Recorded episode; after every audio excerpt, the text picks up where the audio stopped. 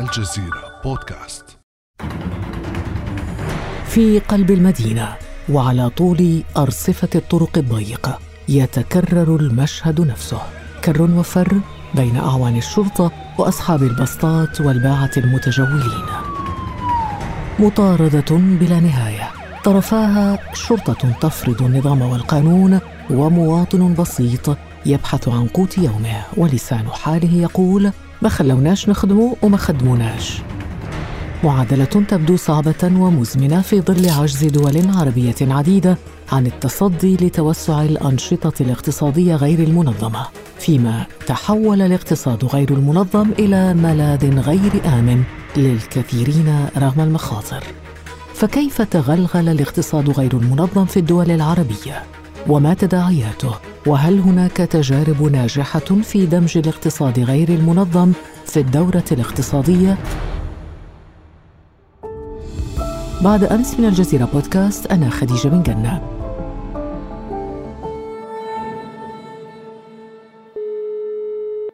ويسعدني كثيرا أن أستضيف في هذه الحلقة الدكتور محمد الجويلي أستاذ علم الاجتماع في جامعة تونس صباح الخير دكتور محمد الجويلي. نسعد بك في هذه الحلقة. صباح الخير خديجة. أهلا وسهلا بك.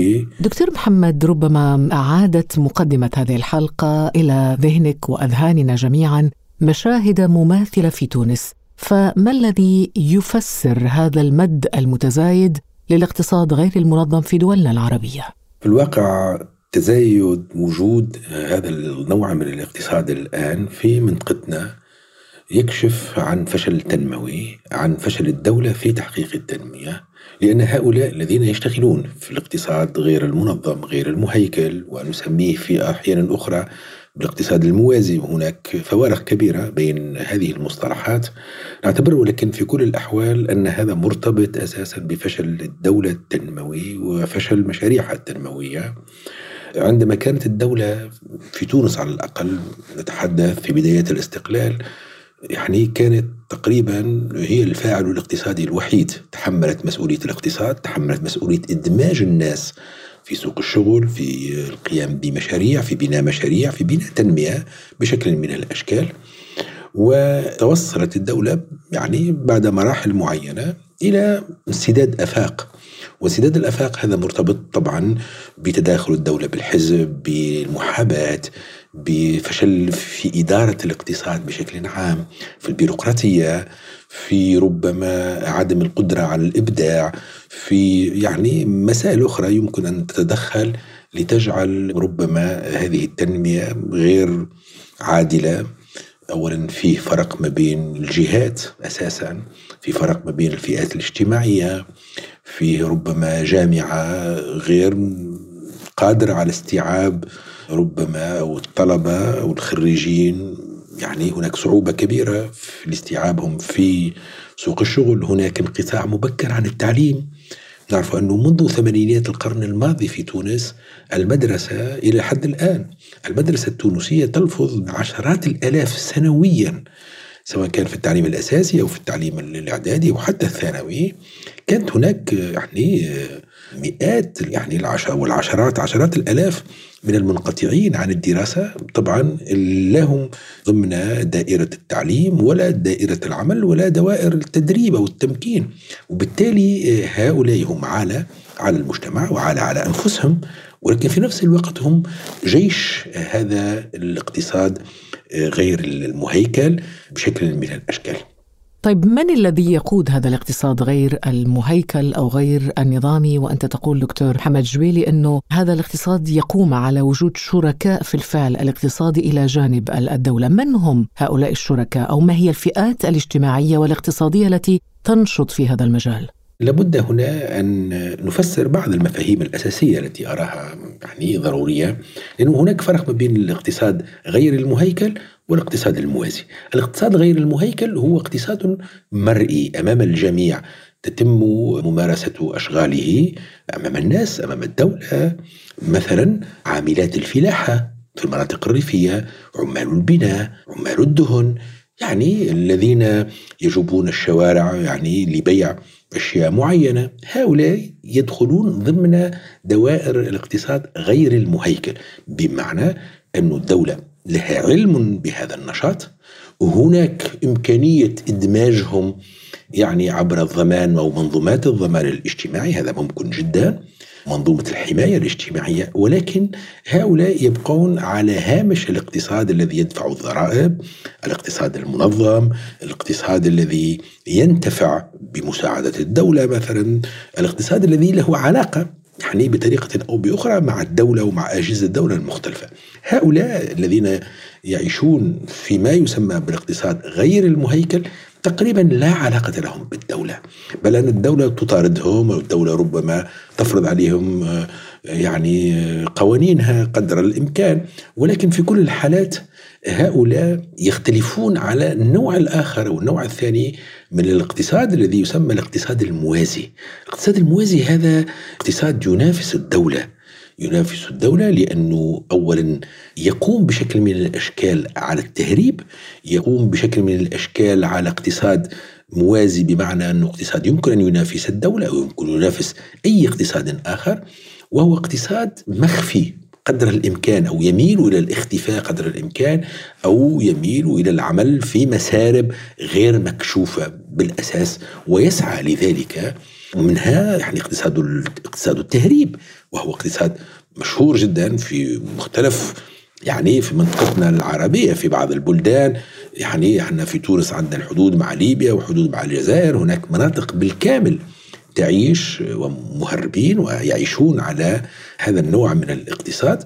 وبالتالي هؤلاء يمثلون يعني عبئا بشكل من الأشكال على الاقتصاد المهيكل لأنهم ينافسون هذا الاقتصاد المهيكل لأنهم لا يدفعون الضرائب متهربين من قوانين الدولة ومن إكراهات الدولة بل بالعكس هم قدر الإمكان يربطون علاقات مع الدولة بطريقة مخفية عن طريق الإدارة عن طريق ربما الجمارك. بما أن هذا الاقتصاد غير مقنن وغير مهيكل وغير منظم ولا يخضع لأي قوانين آه، تنظمه فكيف للدولة أن تراقب سير هذا الاقتصاد غير المنظم لأنه على الأقل الاقتصاد منظم يدفع يعني مثلا التجار يدفعون مثلا ضرائب لكن نفس التاجر الذي يبيع على شارع في بسطة أو يعني فرد البسطة تبعه في الشارع هذا لا يدفع ضرائب.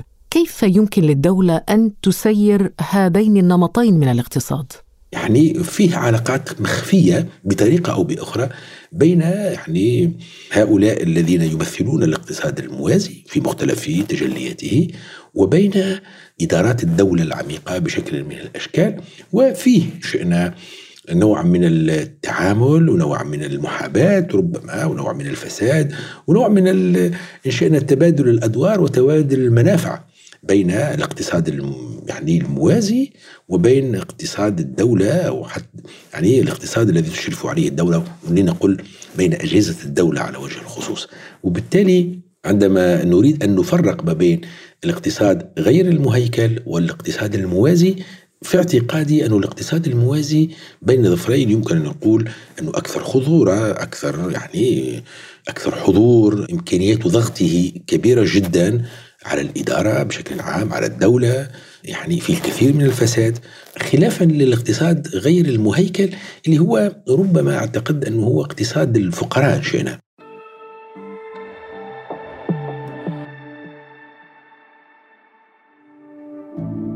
بعد أمس يأتيك صباح كل يوم مع فنجان قهوتك.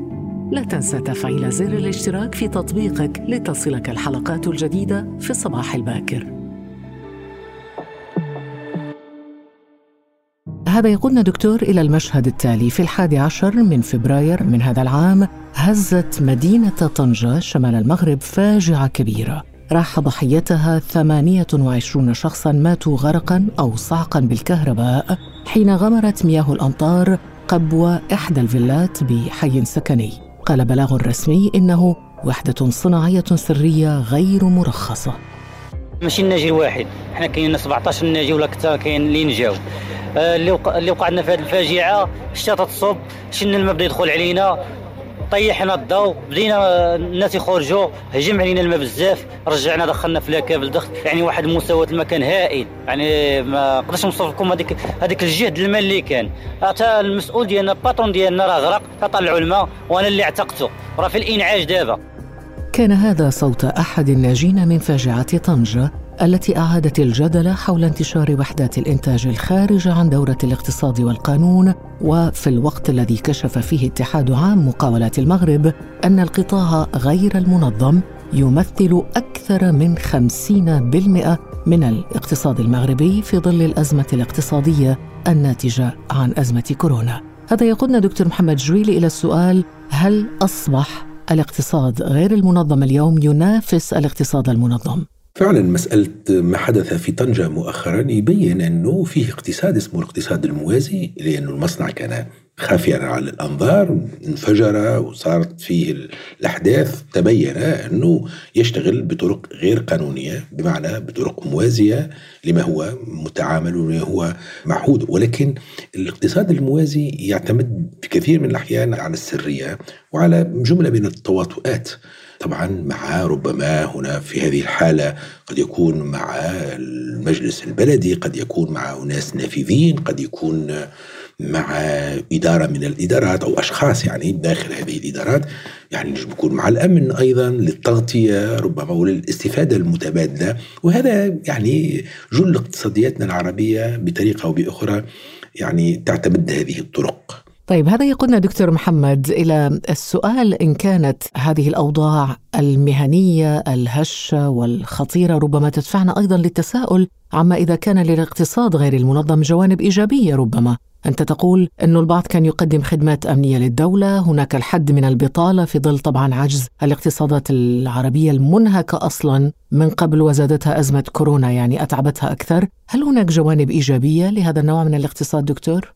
دولنا بشكل عام خاصة في المنطقة المغاربية تعاملت بطريقة أو بأخرى مع المهربين وتعاملت مع الاقتصاد الموازي والاقتصاد خاصة مع الاقتصاد الموازي لأن الاقتصاد الموازي وجدت فيه حل من حلول كبيرة لفشلها التنموي. نأخذ مثال على ذلك الجنوب الشرقي التونسي يعني الحدود مع ليبيا طيلت تقريبا منذ بداية التسعينيات إلى حدود 2011 على الأقل.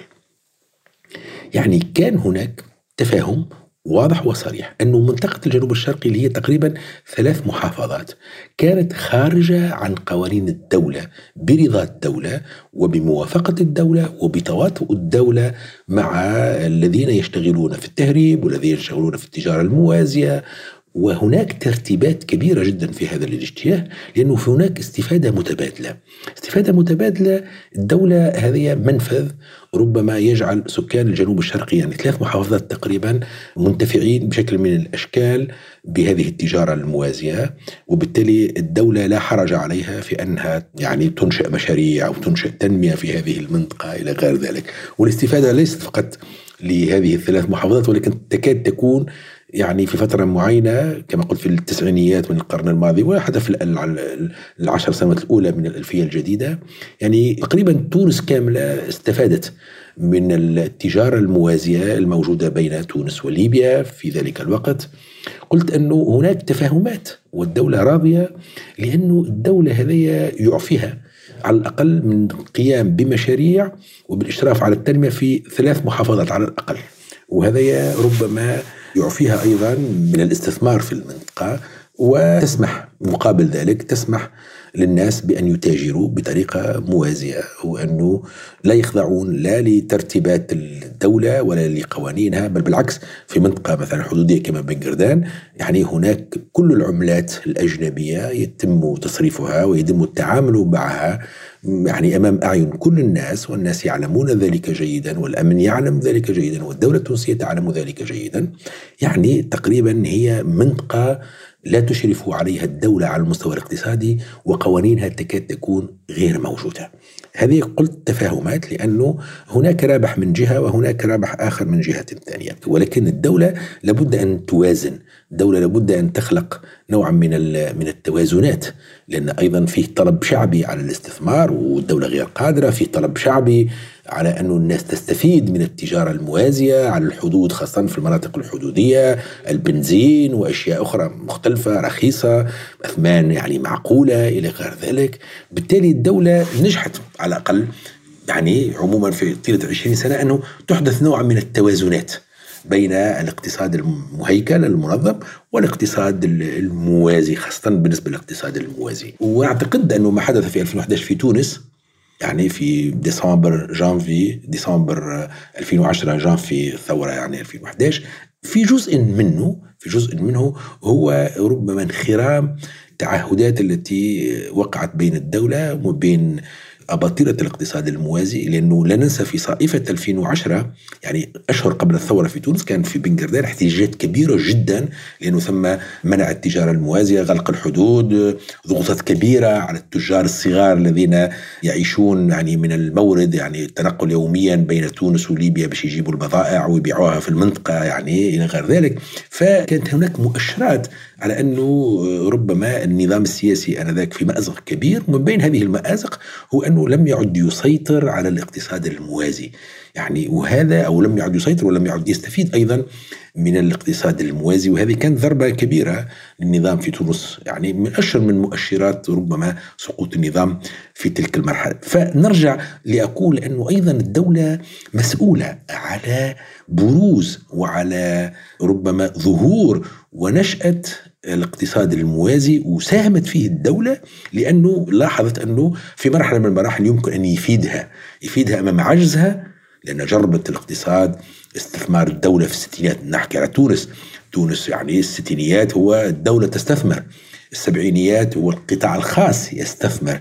بدأت الأزمة مع منتصف الثمانينيات وتواصلت فوجدت حلا من الحلول بالتسعينيات والألفية وجدت حلا في الحلول في أنها ربما تتنفس أو تسمح بمتنفس إن شئنا عبر الاقتصاد الموازي على المناطق الحدودية المختلفة إما على الحدود بين تونس والجزائر وخاصة وخاصة طيلة 20 سنة في الحدود بين تونس وليبيا. طيب على ذكر ما حدث سنة 2011 هنا نشير طبعا إلى قصة البوعزيزي رحمه الله وما يعني تبعها فيما بعد من ثورات عقبت الثورة التونسية والتي اعتبرت طبعا قصة البوعزيزي أنها الشرارة الأولى لانطلاق الربيع العربي.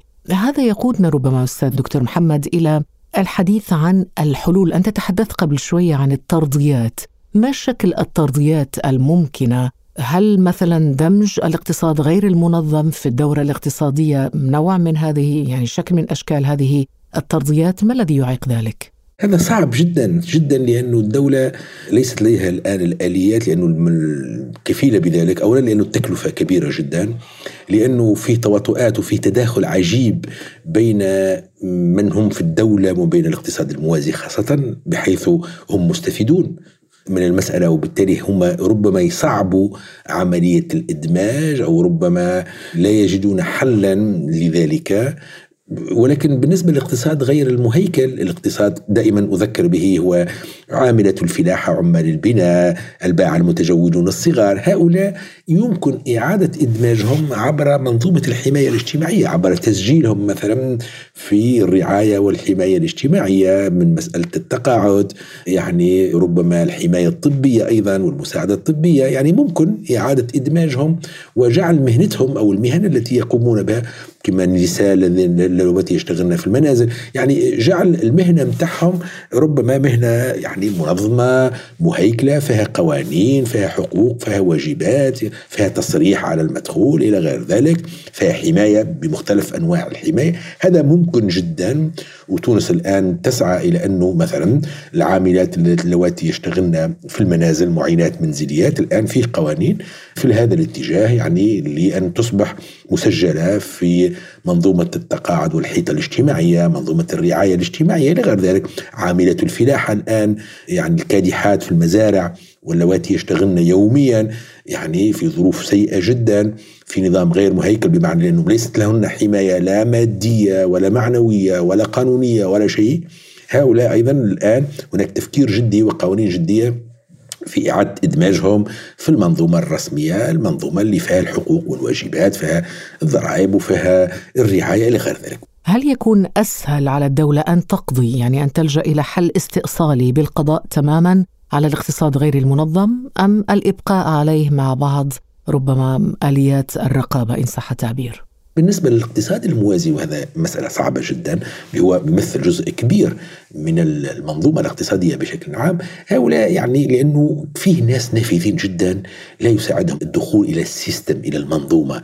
هم يريدون البقاء ضمن الشبكة. والشبكة طبعا شبكة التعاملات المختلفة لأن الشبكة تدمج كل من له مصلحة في أن يكون داخل الشبكة. ينجم يكون حتى من الإدارة العميقة ينجم يكون من الجمارك ينجم يكون من الأمن ينجم يكون سياسي ينجم يكون برلماني يدخل في هذه العملية.